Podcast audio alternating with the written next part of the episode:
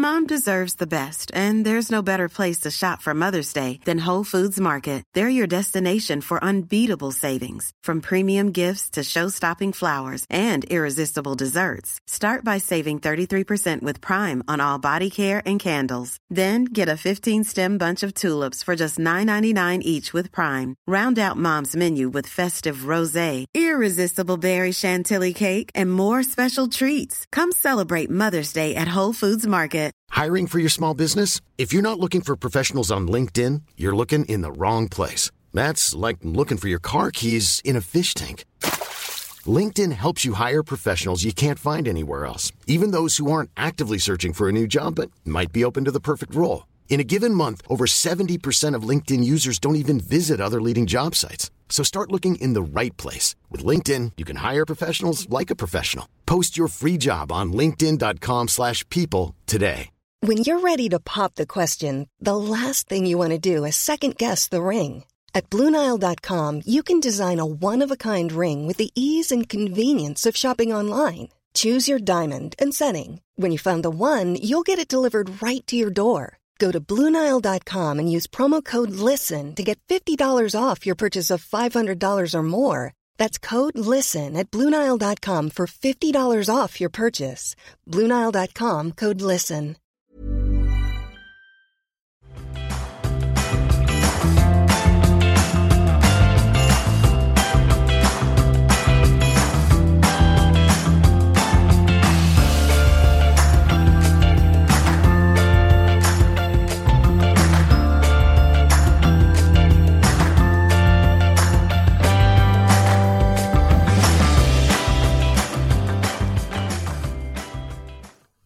Då kör vi. Välkomna till Börsmagget nummer 3.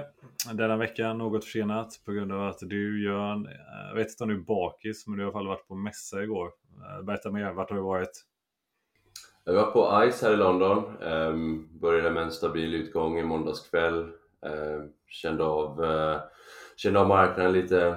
Sen var vi på ICE hela, hela tisdagen. Um, ganska mycket möten fram och tillbaks.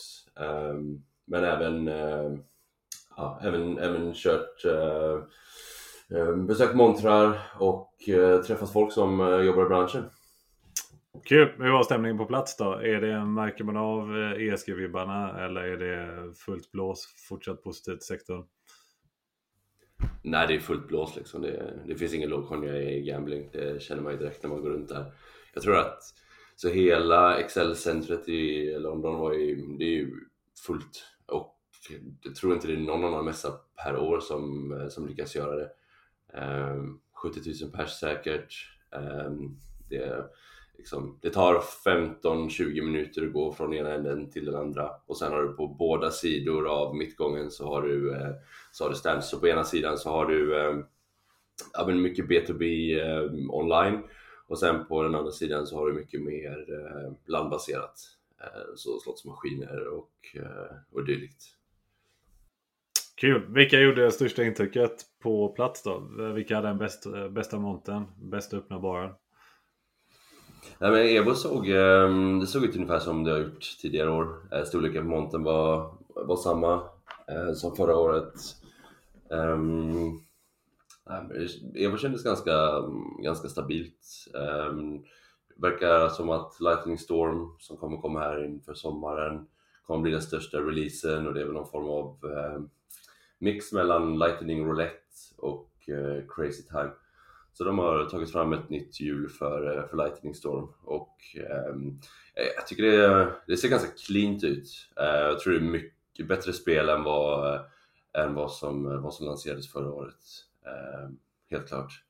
Och ehm, nej, men det, jag tror det, det här kommer att bli ett spel som, som ligger liksom i paritet med kanske Crazy Time eller Monopoly och de, de andra ganska populära spelen. Ehm, det kändes som en lite mer låg risk release än, än förra året.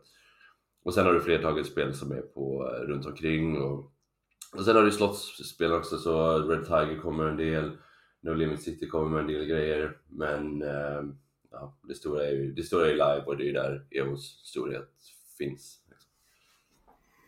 Hur var det? Var det någonting som stack ut som inte var live eller är det fortsatt liksom att storyn kring EBO är live casino och allt annat är liksom peripheral och någonting man kanske egentligen inte borde ägna sig åt eller vad, vad var känslan? Nej, det, det blir nog mer och mer tydligt ju mer man går runt så eh, jag tror inte att det var ett särskilt, eh, det har inte varit lyckat för Evo att göra förvärven inom, inom slots. Uh, no Limit City tillväxten har ju avtagit enormt sen köpet. Evo köpte på toppen igen. Eh, det känns som man har gjort det flera gånger nu. Ehm, sen försöker man flytta över då teknologierna som olika grejer som finns då i slots för att rulla över det på, ehm, på live också. Ehm, ja, det sker väl i viss mån men frågan är om det var värt att späda ut aktieägarna och köpa slots för att, när man köpte NetEnt då. Eh, när man gav bort eh, var 15% av aktierna eller sådär till, eh, till Netent för, för att ta över bolaget. Jag tror att det var, ja, de, det hade nog varit mer värdeskapande och gjort andra saker men, men det var ju det är väldigt tydligt att Netent var ett illa skött bolag när man köpte det. det. Deras interna struktur och också plattformen där de skapar spel extremt långsam.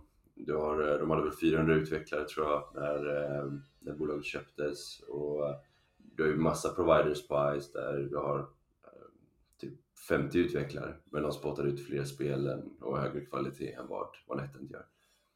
Så, eh, så man betalar ganska högt pris för ett bolag som inte, ja, som inte alls har presterat, eh, Speciellt sedan dess. Så, och det verkar inte som att de nya förvärven heller eh, driver det. Så vi får se, jag tror inte att man, jag hoppas att man inte kommer göra fler förvärv inom, inom slots. Um, och sen är det tydligt också när man går omkring och frågar folk att um, det börjar bli mer och mer prispress på slots. Ehm, så det lanseras ju 50 slots i veckan ehm, i industrin och det är svårt att stå ut. Ehm, men det finns många små studios. Får du rätt så tjänar du rätt mycket pengar. Du har ju väldigt höga marginaler. Men, eh, men man ser att take rates som, eh, som operatörerna betalar till slotsproviders, eh, ja, det börjar gå ner. Det, mm, förut var väl 10% det normaliserade priset men det verkar som att det har rört sig mot 8%. Och det var ingenting som jag hörde förra året men eh, det var flera som, som sa det i år. Okej, okay. kan man... Man kan säga att slutsatsen är lite att eh, om det inte var en commodity innan med slots så är det verkligen det nu. Och eh, typiskt sett när prispressen väl börjar ta fart så är det svårt att undvika att dras med i den. Så man kan väl, om man skulle ha ett, en gissning inför nästa års ICE, tror du att prispressen kommer att ha tilltagit ännu mer då? Givet att den största differentieringsfaktorn verkar vara nyhetens behag och inget annat. Jag tror det, det, det finns ju en del eh, det finns ju en del starka IP inom slots som fortfarande driver och du kan göra vissa olika spin-offs och eh, varianter av, eh, av de spelen. Och där kan du fånga en större, en, en större publik. Men, men jag tror att ehm, ja, givet AI så kommer du kunna ha en snabbare utveckling, snabbare utvecklingstempo, kunna göra det med färre utvecklare um, framöver. Vilket gör att tiden det tar att skapa en slott kommer gå ner, vilket antagligen kommer leda till en ännu större konkurrens. Um, så det är, det är ett område jag har hållit mig väldigt långt ifrån bolag som, som enbart, eh, enbart pysslar med, pysslar med slots. Um, men sen är det också att eh, personer som är bra på AI, de kostar betydligt mycket mer än vad personer som ja, jobbar som vanliga utvecklare för, eh, ehm, för, slots, eh, för slots till exempel. Um, så, så det finns väl en viss eh, lönediskrepans där. Så frågan är väl hur mycket som kommer att investeras men jag skulle tro att det kommer nog ganska, det kommer nog ganska fort. Eller vi kommer väl se vad utvecklingen tar vägen. Och det, är, det är svårt att veta när, när det sker stora, stora skiften i en industri. Det är svårt att veta vad det tar vägen på kort sikt. Ehm, så då kanske man bara ska hålla sig undan och, och vänta. Vi kan väl hoppas att Evos eh, ma team håller sig borta från slotsen i alla fall så eh, känner man väl sig lite mer komfortabel över att äga den aktien över lång tid. Ja men live växer ju snabbare så det, det äts ju upp hela tiden. Ehm, och andelen slots går ner. Även om man har köpt flera bolag så går ju fortfarande andelen ner över tid. Um, och det är ju tydligt hur dominant Evo är på live. När jag var där förra året så var det mycket små spelare som poppade upp inom live. Um, jag tror att det var fortfarande att pengar var ganska billigt, och, men det kändes i år som att eh, det, var, det var inte riktigt lika många nya som, som var där och ehm, tror många har haft problem. Många, det finns många providers som har 40-50 bord men de får ingen, eh, ja, du får ingen lönsamhet i affären för när du når upp till en viss nivå av spelare, så att du har ett bord och så har du eh, 100 spelare för exempel, då kanske du, eh, ja, då kanske du tjänar lite pengar. Men stoppar du in 200 spelare så är ju marginalerna som är inkrementella för den sista spelaren som kommer till spelet tjänar du ju enormt mycket. Och det är ju det, är det vi har sett när Evos marginal när man bytte över eller man fokuserade, började fokusera på game shows gick över från blackjack och inte... Det är klart att det är en viktig del av eh, businessen men man, eh, man kom med, eh, med alla game shows och där är ju skalbarheten ja, oändlig egentligen. Och det är det vi har sett att marginalerna har gått från 35 till 70 Och När man pratar med folk som jobbar i industrin och sådär att det finns ja, de tror att det finns eh, möjligheter att göra 80-90% marginal på de här affärsmodellerna också. Det finns onoterade spelare som, som har de marginalerna. Ehm, så frågan är om Evos marginaler kommer stanna här. Jag är inte så säker på det. Jag tror att om tillväxten går ner, så, eller om den håller sig här runt 15% så finns det nog möjlighet att Evos marginaler kommer att röra sig upp mot 75-80% också. Ehm, I alla fall på livesidan. Ehm, men vi får se. Det är, det är möjligt att USA kommer att kosta och där är lite mer osäkerhet runt hur det kommer bli. Det kommer bli en viktig marknad på sikt men eh, um, så där kommer man ju fortsätta investera men hade man velat så hade man kunnat ha en 80 plus marginal idag redan tror jag. Spännande. Om man släpper Evo som bolag specifikt då, var, var det något annat bolag utöver de som stack ut? Eh, var det hos Pragmatic Play eller någon av de eh, gubbarna snackade? Ja, Pragmatic Play har ju lite, de är väldigt stora, det är ju världens största slotts slottsbyggare. Och eh, vi pratade med han som eh, var Head of Slots där, eh, Game Development. Och frågade dem vad de hade de pysslar med nu liksom. Men han sa bara, ja, men jag pumpar ut 8 slott i månaden. Det är, det är mitt jobb. Eh, vi lanserar 60 stycken per år. Vi ser till att de är någorlunda bra. Hittar vi någonting som fungerar så kör vi vidare på det och gör lite nya varianter av spelen. Um, och det är en ganska straightforward process. Det är inte så att det är inte jättesvårt, vi, vi bara fortsätter göra det hela tiden. Och vi gör det bättre än de flesta andra. Så det gör att vi, vi, vi är världsledande på, på slots. Intressant i år var att ehm, ehm, um, um, Pragmatis har ju sitt Candyland-spel uh, som ser ut som uh, uh, Wheel of Fortune ungefär. Som är, ja, skulle vilja säga att det är kopierat från, från Evo. Men de kör ju egentligen inte så mycket utveckling utan man, man gör liksom nya, um, nya varianter av det här spelet och liksom byter skins och så vidare. Um, så, men live har liksom ingen... Live är kanske en tiondel av vad Pragmatic visar upp.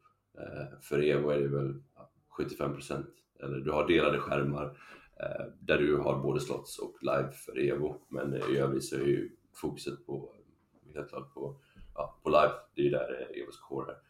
Så, eh, så Pragmatic kändes inte lika, mm, inte lika hungriga på live i år. Det kändes som de gjorde en större grej av det förra året.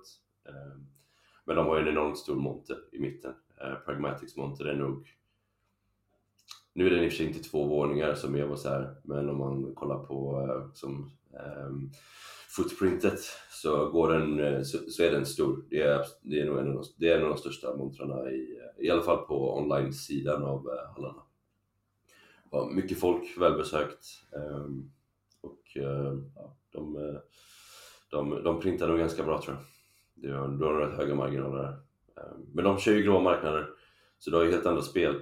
Ehm, så, så när man tänker på det att Evolution och Pragmatic eh, konkurrerar så, så är det ju inte riktigt på samma villkor för att Pragmatic har andra slottspel som de gör där du inte har de här 4-5 sekunders reglerna som du har i reglerade marknader.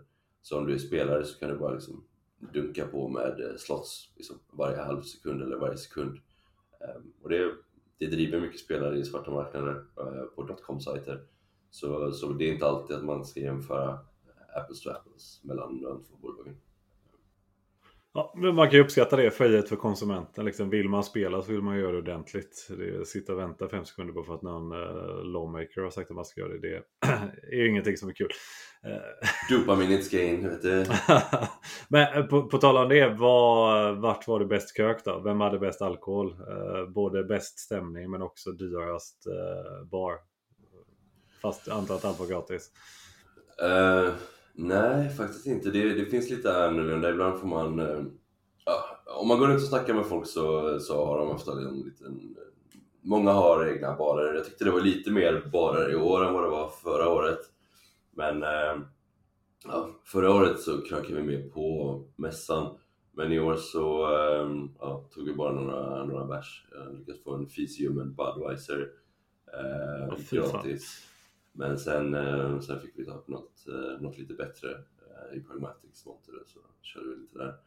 Eh, och sen, eh, nej men sen blev det, sen blev det inte stan. Så körde vi på där nästan. Gött! Då kommer vi till den intressanta biten. För alla vet ju att det läcker som ett jävla såll nere på Malta. Så frågan är vilka M&A-rykten lyckades du plocka upp när du drog in till stan och satte på baren? Är det, händer det någonting i marknaden? Hur går det med konsolideringen? Eller håller du det för dig själv? Nej, det var inte... Det är ingenting man delade med sig till, eh, till mig i alla fall. Jag tror man måste bo på ön för att, för att få tillgång till de, eh, de delarna. Det är ingenting som, eh, som ges ut till oss vanliga dödliga liksom. Vi får slita för våra pengar genom hedlig analys istället. Um, ja. Ja, Fördelen är väl att det finns inte så många kandidater kvar att kolla på så universet är ju minskat något i alla fall men ja, Låt oss se. Det känns ju som en eh, sektor under ständig konsolidering. Men de spelarna som finns kvar är väl de flesta har väl problemet att det är mycket, åtminstone grey markets eller till och med nivån där. Frågan är om man vill konsolidera dem eller inte. Vi får ju se nu. Det är ju, du har ju Gig och Kambi och Evo eh, kvar på, på B2B-sidan. Um, ehm, så vi får väl se där. Gig kommer med sin spin-off av eh, plattforms, eh, plattformsdelen Ehm, de har ju en del Gigs fördel är ju att de har rätt många länder som de, eh, som de är reglerade i, vilket gör att, eller som de har licens i. Vilket gör att om du är operatör och du inte vill ha en licens i jag vet inte, Kroatien till exempel, ja, då kan du använda Gigs plattform och så får du access till, eh, till marknaden där. Ehm, och du har redan gått igenom alla regulatoriska eh, krav då, så blir det en plug and play solution. Men många av de operatörerna använder ju det lite som en, eh, för de marknader som man inte har som största fokus. Men, eh, men man har rätt bra exponeringar, mycket Östeuropa, eh, ner mot Balkan där. Och sen har man ju en del ja, mot Latam och, Latam och även Afrika. Ehm, och det är Gigs affärsmodell för plattformen är ganska intressant. Ehm, som du har en kund i ett land då täcker det ungefär kostnaderna för att göra all regulatory compliance och allt all, all som krävs.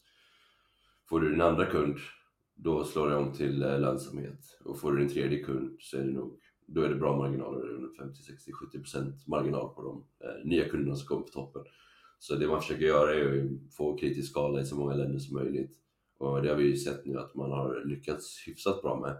Eh, men Gigs plattform eh, är fortfarande ganska liten ehm, och deras storhet har ju varit affiliates. De gjorde ett väldigt bra jobb med All Scammers till exempel när de köpte det från, eh, från Catena Media.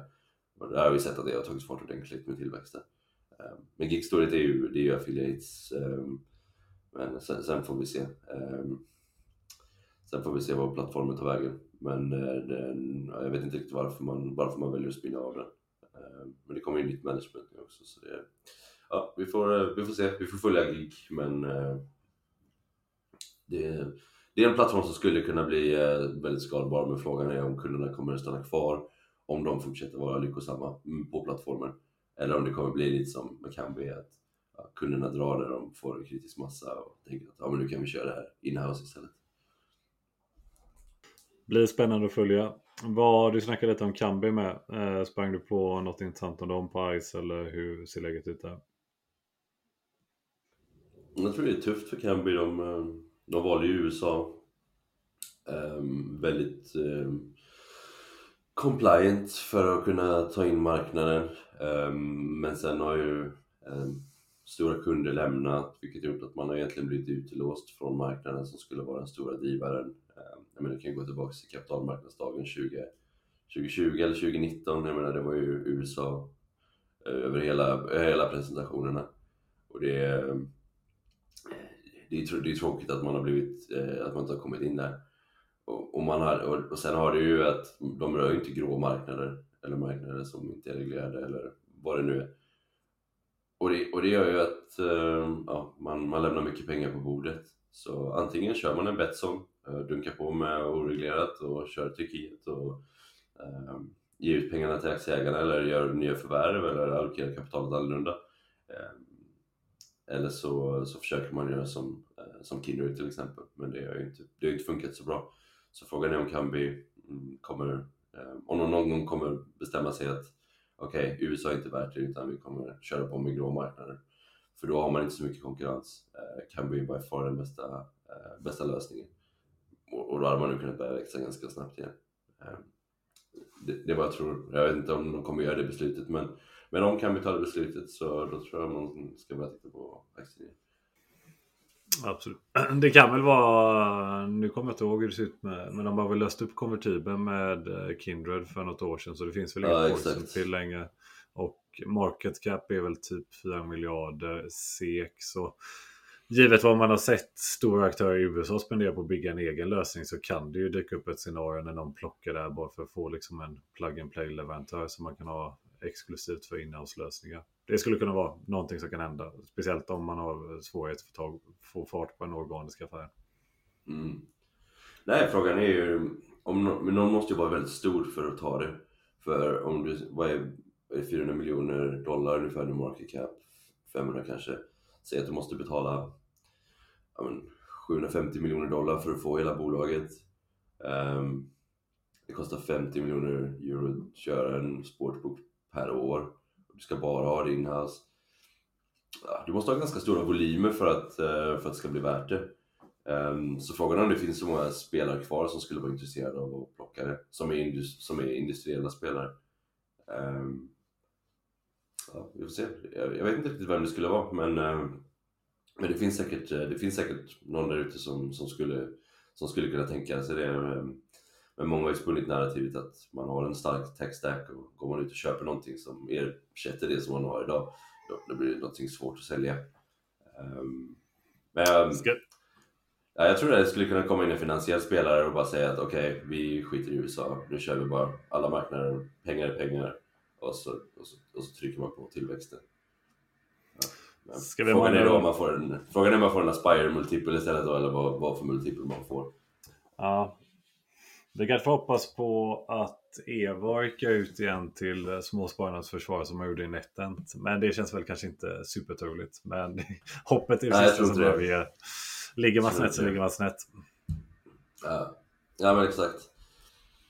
Och sen får vi nog börja kolla in på starta kryptokasino. Det verkar ju vara um, riktigt bra marginaler där. Uh, folk snackar om 90% marginaler på olika kryptokasinon och man har inga anställda egentligen utan man bara kör helt outsourcat. Eh, oreglerat. Det verkar vara, verkar vara en lönsam modell helt enkelt. Det, finns Kanske. mycket, det är intressant när man går runt på ICE, det finns så mycket profiler som inte har så mycket problem att göra sådana grejer. Kanske är en vertikal för börsmagget att expandera till över tid. Eh, vi får se, vi återkommer i så fall. Exakt, vi får starta en liten side pocket. Ja. Vad, men ICE-delen på det här avsnittet kanske kan anses vara avklarat då. Millions of people have lost weight with personalized plans from Noom. Like Evan, who can't stand salads and still lost 50 pounds. Salads generally for most people are the easy button, right? For me, that wasn't an option. I never really was a salad guy. That's just not who I am. But Noom worked for me. Get your personalized plan today at noom.com. Real noom user compensated to provide their story. In four weeks, the typical noom user can expect to lose one to two pounds per week. Individual results may vary. I'm Sandra, and I'm just the professional your small business was looking for. But you didn't hire me because you didn't use LinkedIn jobs. LinkedIn has professionals you can't find anywhere else, including those who aren't actively looking for a new job but might be open to the perfect role, like me. In a given month, over 70% of LinkedIn users don't visit other leading job sites. So if you're not looking on LinkedIn, you'll miss out on great candidates like Sandra. Start hiring professionals like a professional. Post your free job on linkedin.com/people today. Och om vi ska gå över till något som är lite mer ESG-friendly och i linje med vår profil.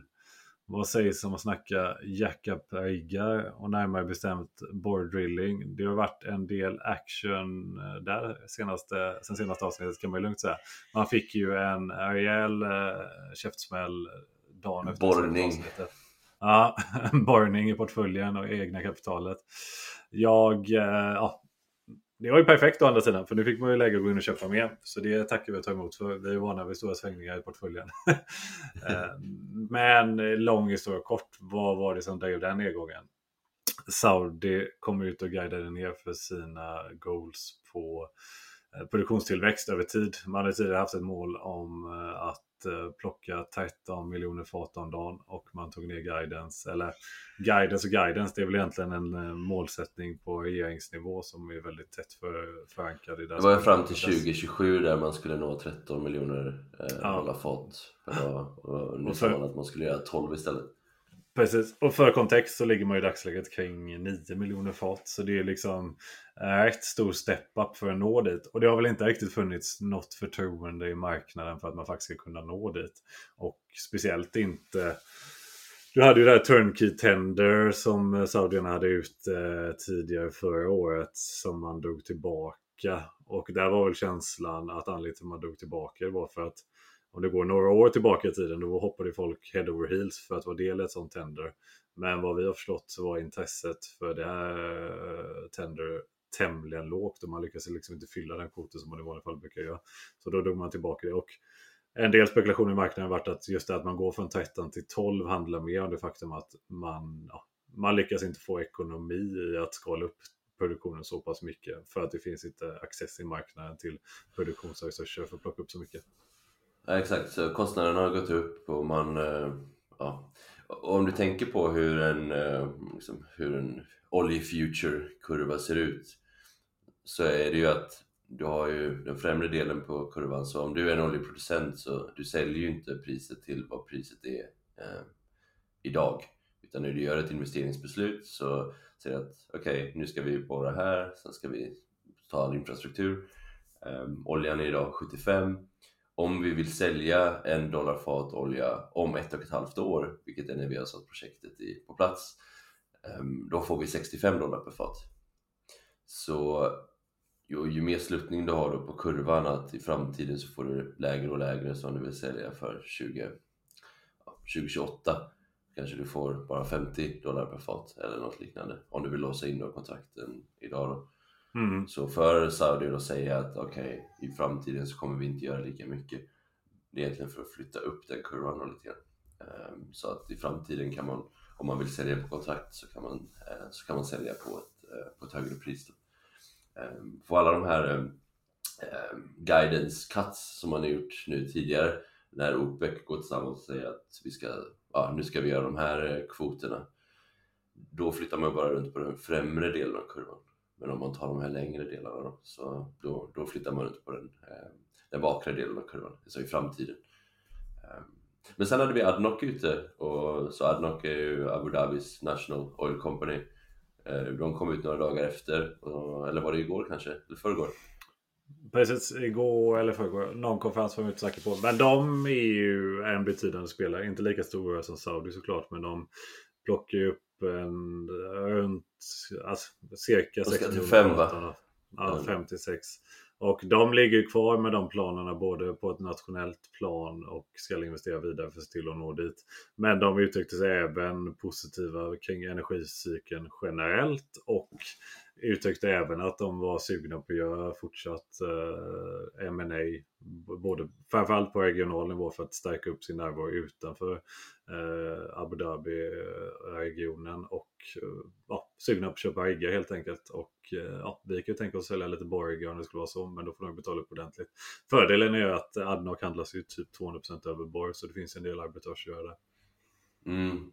Ja, som när vi gick igenom när vi hade våran eh, deep drive för, ehm, för riggar också var ju att eh, Adnoc Drilling som är Adnocs eh, dotterbolag där de har alla riggarna i. De har ju en, eh, de har en intressant setup med Adnoc där de går in och garanterar en 11 13% IRR, så avkastning på investeringen.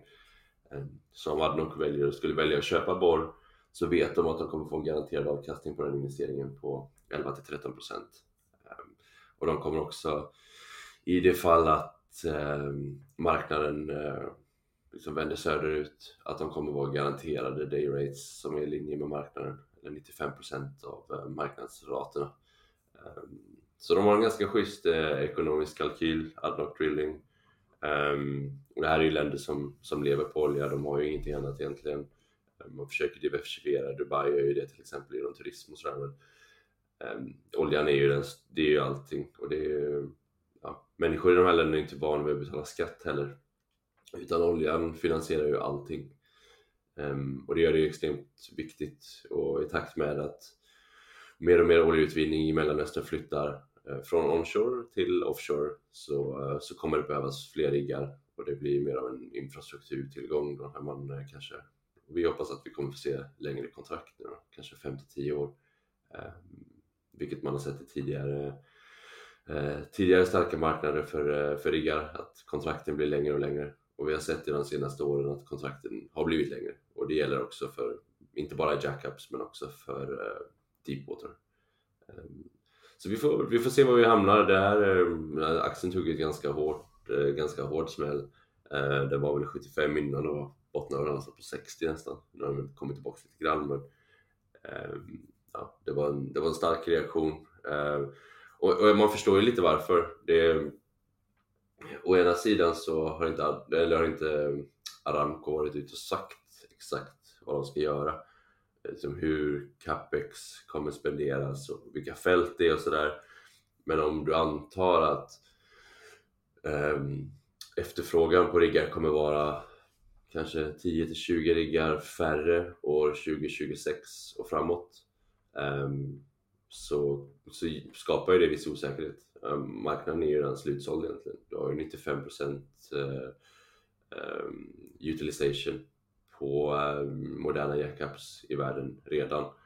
Så, så vi, vi, får se var vi, var vi hamnar men det, det, känns som att det lägger sig lite som en våt filt över uh, just nu. Um, men jag skulle tro att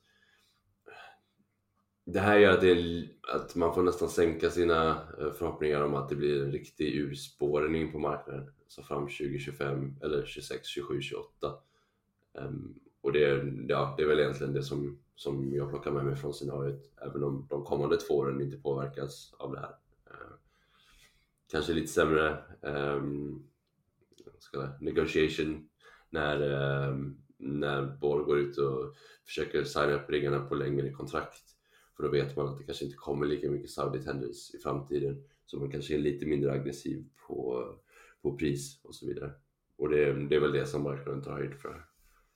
Ja, och eh, det är väl i mars som Aramco kommer med sin årliga capex guidance. Så det blir en intressant datapunkt att hålla koll på. Jag såg att Total här i dagarna signade upp en Deepwater rigg på 10 års kontrakt. Så ja, det finns fortfarande aptit i marknaden efter långa kontraktcykler. Och jag såg även att Tor Olav, eh, styrelseordförande i Borg, var ute och hade ett eh, conference call med investerare via Carnegie.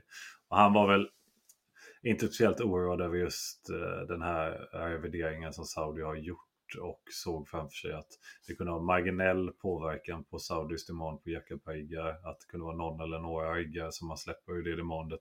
Men det man har sett i marknaden de senaste åren är att en hel del Rig Supply har flyttat från tidigare starka regioner såsom Västafrika och eh, Mexikanska golfen. Och de regionerna är i dagsläget undersupplied och skulle kunna svälja en del extra kapacitet om det fanns tillgängligt på marknaden. Så definitivt eh, inga positiva nyheter, men jag tror att eh, så som marknaden har reagerat har ju varit eh, överdrivet och jag har givetvis kapitaliserat på det genom att köpa en del aktier här under veckan. Du har inte kapitaliserat än eller? Nej, men ja, jag har förstärkt snegungar med lite ytterligare hävstång. to be continued. Nej, men grejen är att det, det mycket, mycket, många av riggarna har ju sugits in till eh, Mellanöstern. Så län, eh, liksom mexikanska gulfen eh, och även i Sydostasien så, så finns det inte lika mycket riggar att tillgå. Eh, så frågan är vad som kommer hända, hur många riggar det är som eh, som man hade tänkt att skulle komma in i, i Saudi som inte kommer, kommer hamna där. Men om det handlar om 10 riggar så är, spelar inte det så stor roll för marknaden är slutsåld. Om det skulle vara 40 riggar, då, ja, då har vi ett ganska stort problem. Men, men det, finns, det finns stark efterfrågan eh, ja, på, andra ställen, eh, på andra ställen i världen. Um, men vi får, eh, vi får följa det här ganska, det här ganska noga.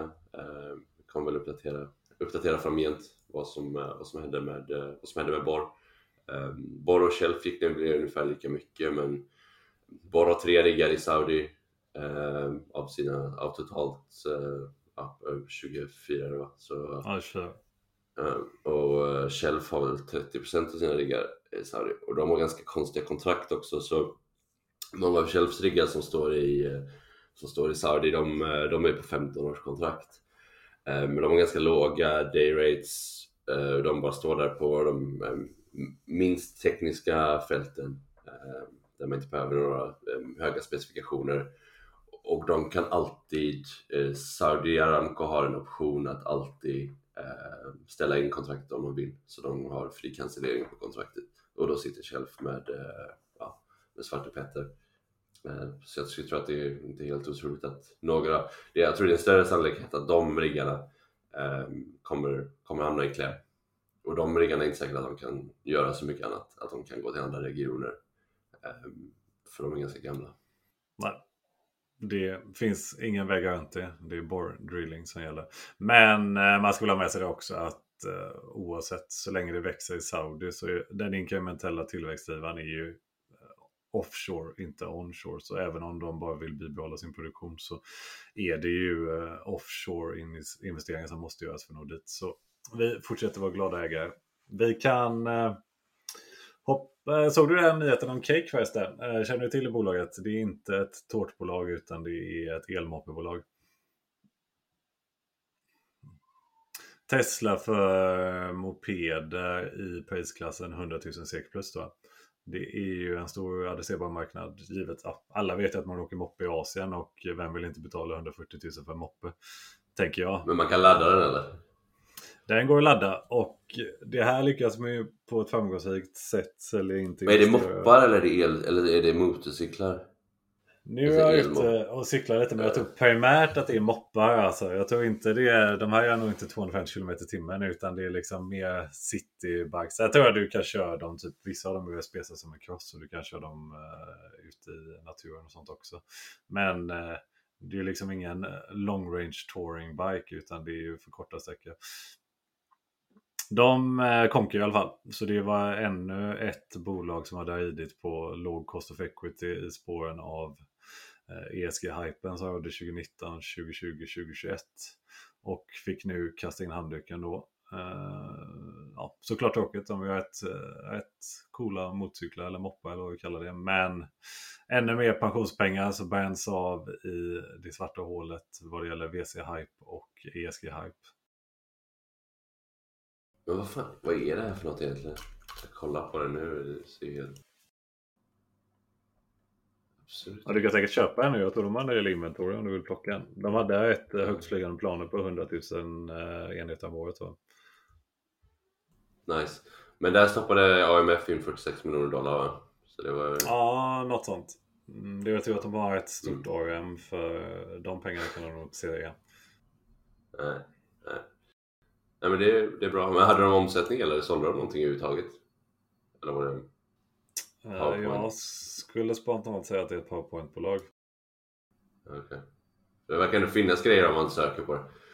Ja. ja. det finns ju en hot take på det här som är lite kopplat till vårt senaste avsnitt med att jag såg att eh, konsolideringsmaskinen Delivery Hero och deras dotterbolag Foodora har tydligen öppnat upp för att köpa ut eh, en del av konkursbot för att få ut eh, fordonen till sina förare. Så vem vet, de kanske breddar sitt, sitt engagemang lite i det här spacet. Du måste tycka skit nu, det här känns eh, orimligt. Nej, men det var en artikel på det. Jag kommer inte ihåg exakt vad de sa. Jag vet inte om de bara skulle köpa ut. Det kan vara att de hade leasade moppar och att de ville köpa ut dem då. Men eh, Niklas och gubbarna kanske ser en bredare play här och en möjlighet att komma åt en till intressant vertikal. Mm. Nej, men det är intressant med Delivery Hero. Vi gick igenom det lite grann eh, förra veckan, men det har ju hänt en grej. Så, så Delivery Hero, de, de rapporterar ju, men liksom alla headline-nummer som de rapporterar är ju ja, det är hyperinflation eh, som ligger till grund. De har ganska stor business i Argentina och även andra länder som har eh, som hög, som hög inflation. Och jag menar, de växer ju inte längre. Och bolaget, företag har de ju alltid rapporterat antal orders. Men det har de slutat med. För, för de går ju antagligen ner. Och, och sen har du revenue som du då, eller försäljning då som ökar men det är egentligen bara på grund av inflation. Det finns ju ing, jag tror att Delivery förlorar ju marknadsandelar i, i hela Asien. Jättetuff situation i Sydkorea där man har Kupang då som eh, är väldigt aggressiva på marknadsföring. Eh, jag vet inte, läste du, eh, läste du Delivery Heroes eh, definition av fritt kassaflöde i, i rapporten? Har de uppdaterat den igen nu eller?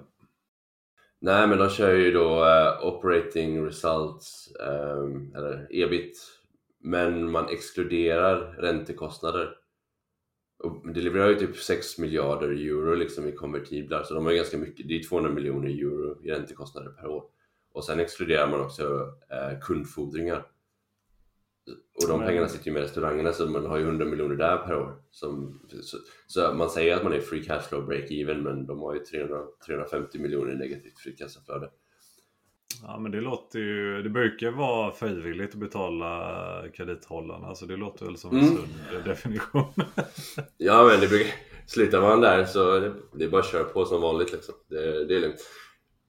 Sen, om, sen läste jag, det var någon fotnot där att eh, bolaget eh, Bolaget har typ 2 miljarder euro i cash eh, i balansräkningen men enbart 450 av dem finns i Tyskland så, så frågan är att om de här pengarna då sitter fast i länder som man inte kan tillgå. Eh, jag har sett rykten på Twitter om det här att det kanske, ja, det kanske är att de här pengarna kommer inte kommer bli svårt att, uh, att få, liksom, ja, få till. För man är många, det är mycket emerging markets eh, det kan vara svårt att ta ut dem, det kan bli väldigt dyrt att ta ut dem. Ehm, liksom, det, det är dyrt att göra payments i de här länderna. Det är ju någonting jag såg på ICE nu också. Jag hörde att många av de här små kasinobolagen, om man kör oreglerade marknader så kan man betala 13-14% i payment fees. Ehm, om man går via en aggregator som eh, erbjuder olika lösningar. Så det, jag tror att det kan finnas eh, liknande grejer, grejer här eh, inga belägg för det, men eh, vi får, vi får se vad det tar vägen. Det kommer en stor finansiering som Delivery Hero måste göra. Ehm, och samtidigt har man mycket latenta skulder som man kommer behöva betala i Spanien och även i andra länder i Sydeuropa på grund av att man inte har följt lagstiftningen för, för riders eller för de som levererar maten. Så man har inte betalt eh, arbetsgivaravgifter och man har, eh, ja, och så vidare. Så det, det, kan finnas upp till 600 miljoner euro där som man kommer behöva betala. Så vi får, vi får se. Jag tror det kan, det kan bli tufft. Aktien var ner 20% på fredag på inga nyheter. Och sen såg jag på eftermiddagen att typ tre banker kom ut och bara uppgraderade aktien på eftermiddagen inom typ 50 minuter. Vilket såg väldigt suspekt ut. Eller, det är ganska udda när tre banker går ut på en så kort tid och eh, säger att ja, vi är fortfarande köpare av aktien.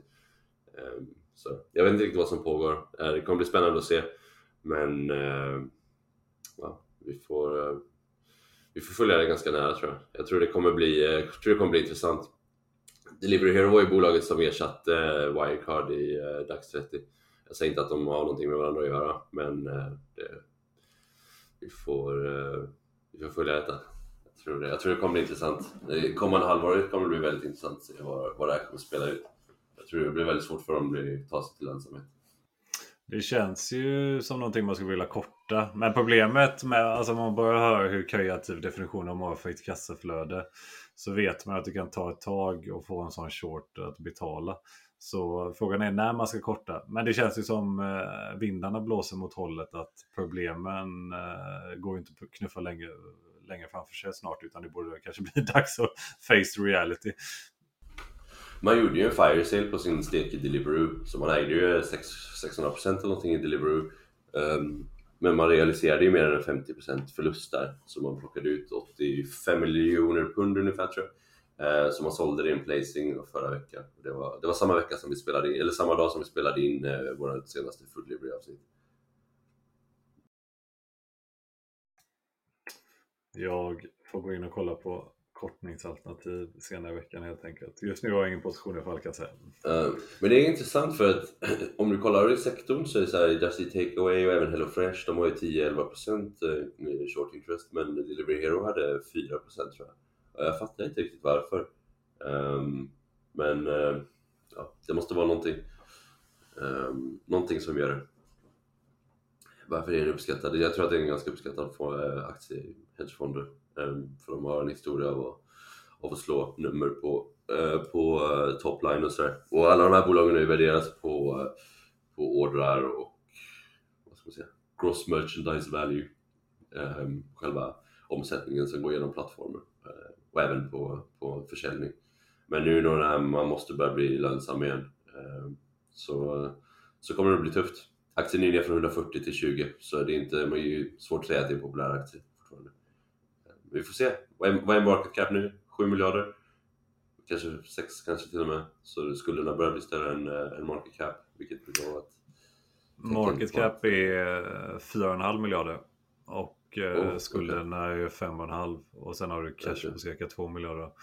Så mm. man, eh, nästan hälften av EV är market cap just nu och det lär väl, ja, skulderna lär inte minska i det korta perspektivet i alla fall så det lär finnas bra möjligheter att det krympar upp det. Nej, men vi får uh, följa Delivery um, Är det något mer som du har eh, noterat under veckan som du vill ta upp? Ja, vi har ju våra vänner i Kurdistan, eh, eller närmare bestämt DNO. De gjorde dels eh, ett mindre förvärv, plockade en andel av en, eh, en borrtäkt i eh, Nordsjön, eh, UK Waters, som såg väl intressant ut och ligger väl nära deras tidigare projekt i Nordsjön, vilket är positivt så sett. Men sen såg jag även att det var en diskussion i eh, eh FNs högkvarter kring att man, eh, Iraks, eh, någon minister i Irak uttalar sig om att man gör allt vid sin makt för att eh, oljan ska börja flöda i Kurdistan igen. Och det är ju positiva nyheter. Jag tror uttalar man sig på det sättet på en global arena så borde det i så fall innebära att det finns förutsättningar för att öppna upp inom en relativt kort period. Och det är ju såklart positivt för oss eh, DNO-ägare som ligger snett och behöver äta vi med. Mm. Ja, vi får se vad det tar vägen. Det verkar som att det finns eh Eh, många parter som är involverade på olika håll eh, och incitamenten borde, borde sitta. Det, det verkar som att de, de når mot, eh, mot att komma överens och att det är flera grejer förutom bara pipelinen som ska komma, komma på plats. Så pipelinen är ett steg av, av många olika grejer som ska komma överens om. Så vi får vi följa det. Förhoppningsvis är det gjort inom en månad och då, då, kommer, då kommer det nog börja kunna sälja sin olja till marknadspris istället i, i Kurdistan. Eh, till skillnad mot idag då som man säljer på ungefär halva marknadspriset. Eh, man tjänar lite pengar i Kurdistan men det är inte mycket. Men om vi då ser att eh, om vi ser att pipelinen öppnar så eh, då, då har vi en free cash flow yield som är en bra bit över 60-65%. Så det, det är förhoppningen. Ehm, och om man samtidigt kan ta sina kassaflöden från eh, Kurdistan och investera dem i, i, eh, i bättre tillgångar, eh, till exempel som här i Norge eller eh, i UK, så, så, så, blir det väl lite av ett Betsson, Betsson case över det. Skulle jag säga. Så kapitalallokering är väldigt viktigt här. Ehm, för det, mm, pengarna måste för att man ska få en uppvärdering på bolaget så, så kommer man behöva ha en större andel i, i norska eller i mer stabila regioner. Bra summering. Vad ska vi säga? Är vi eh, nöjda med content för den här veckan då? Och ska vi ta en liten summering vad som komma skall de närmsta två veckorna? Eller vad säger du Jörn? Ja, det kan vi göra. Det kan vi göra. Uh, by the way, jag såg att det var en så här uh, Det var någon så här erotikapp för kvinnor som uh, gick i konkurs också. Eller som ville till mer kapital. Såg du det eller? Nej, jag har ett bra spamfilter på min mail så jag har missat det. Men jag kan förstå att det tog sig fram till dig. Eh, ja, men det är det här bolaget Blanche eh, som inte riktigt har lyckats växa men de har tagit in 15 miljoner. Tydligen eh, Stefan Holm, gamla höjdhopparen, är involverad här. Så det är, eh, men det är en trevlig AI-satsning här som, eh, som ska göras. Eh, enda problemet är ju här då att ehm, ja, trots att de har tagit in då 15 miljoner så sjönk omsättningen till 201 000 från 223 000 året innan och eh, resultatet hamnade på minus 5,6 miljoner. Eh, och förra året var det bara 4,4 miljoner. Så, eh, så vi får väl se om de får till eh, product market fit här någon gång. Men, eh, Man, bara en kommentar där att eh, uppenbarligen så saknas ju strategiskt tänkande i management och styrelsen där. Ska man ta in en höjdhoppare där man riktar sig mot kvinnor och framförallt eh, erotik så tar man in Patrik Sjöberg, inte Stefan Holm. Det fattar ju vem som helst. Det är liksom Stefan, Stefan Holm kanske kan ha omvänd effekt men jag tror inte han har tilltänkt effekt. Han, han vet Nej men han är ju på spåret aura liksom. det är nog... Det lite annan aura. Ja, jag tror det. Jag ring Patrik Sjöberg istället så tror jag blir fart på grejerna. Och han vet vad som ja. behövs göras i en sån situation. Ja. Nej men det är ändå skönt att den här skiten går i konken liksom. Vad fan, vad är det som händer? Om, om folk håller, jag fattar inte vad folk håller på med. Stoppar in pengar. Det är så här, ett bolag som tar in 15 miljoner kronor. Man lyckas få en försäljning på 200 000. Jag menar det är ju ingenting. Och, och sen bränner man sex. Det är ju det är absurt. Varför finns de här bolagen ens? Och det är väl en statusmarkör. På samma sätt som du vill köra en Porsche så skulle du kunna säga att du gjort en bra exit i ett privatägt bolag som ingen annan har kunnat exponera mot. Scarcity value. Men det är det som är typ fel med världen idag, för folk vill ju vara anställda entreprenörer. Alla vill ju ta in pengar från VC och så vill man vara så här, ja ah, men jag är techfounder och så äger man några procent av sitt bolag och så har man en lön. Jag menar, om du driver bolag har du inte en lön. Du, alltså, du, du, är, you eat what you kill. Det är ju det är ju människor som inte skulle varit entreprenörer. Entreprenörer är folk som ja, men äger sina misstag och ja, man får, det suger liksom, men man får ta det själv. Och ens eget bankkonto får eh, belastas av det. Och om, om det hade varit så, fallet hade varit så, så hade inte de här bolagen funnits. För det är ingen som hade varit en sån dum Ingen hade velat starta ett sånt här bolag och säga att ja, jag ska ta alla mina sparpengar, allt jag har och sätta huset i pant för att skapa den här appen. Utan det är någon som har haft en idé och så får man in pengar och lite hux flux här och där från Friends and Family och så lyckas man få med lite profiler. Ja. Jag hoppas på att... Nej, absolut. Ja, nej, men det är väl Lågkonjan kan inte komma, kan inte komma tidigare. Ah, ja, ser, lite ser, bittert här på slutet. Ja, nej, men en 100-200 bips till på räntebanan tar vi gärna emot och jag tror det kan behövas. Eh, kanske kan slå mot ekonomin i sin helhet, men jag tror att min mentala hälsa kan vara bättre det. Men bara logistik. Nästa vecka, du är ute och reser. Vi tänkte försöka släppa ett avsnitt tidsenligt på tisdagen. Eh, vi har fått en del klagomål på ljudet tidigare. Det finns en risk att de klagomålen kommer öka ännu mer under nästa vecka. Lite beroende på en infrastruktur vad vi får till vad det gäller mick och klippning. Men vi tycker att consistency är viktigare än kvalitet. Så vi ämnar att släppa ett avsnitt som kommer bli lite som det här. Ingen djupdykning utan mer allmänt snack. Sen tänkte vi veckan därefter, det vill säga tisdag den 20 februari har vi en plan på att släppa mer på temat djupdykning som vi har gjort i tidigare avsnitt. Vi har väl en del hypoteser vad vi kan tänka snacka om, men vi tar gärna emot feedback från lyssnarna vad som skulle vara intressant att vi går igenom både det avsnittet och kommande avsnitt efter det. För vi ämnar fortsätta på spåret med djupdykningar på både enskilda bolag och marknader. Om vi får dåliga idéer så kör vi på våra egna idéer, men alltid intresserade av uppslag. Och inga sådana här värdelösa case som en del demar utan det får gärna finnas någon form av underliggande kvalitet. Inga namn nämnda, men ni vet vilken det är. Eh, ja, men vi får, det är väl HelloFresh nu som jag tror kommer först. Eh, men sen är vi rätt sugna på Rick istället.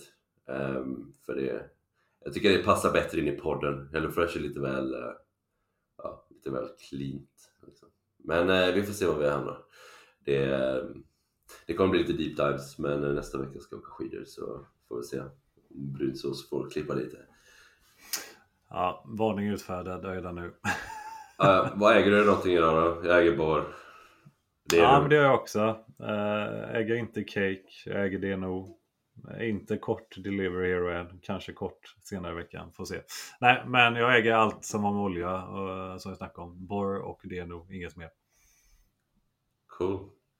Right. Uh, ingen råd, ingen rekommendation i podden uh, och uh, ja, gör er egen analys innan ni köper aktier. Ha det gött! Ha det gott!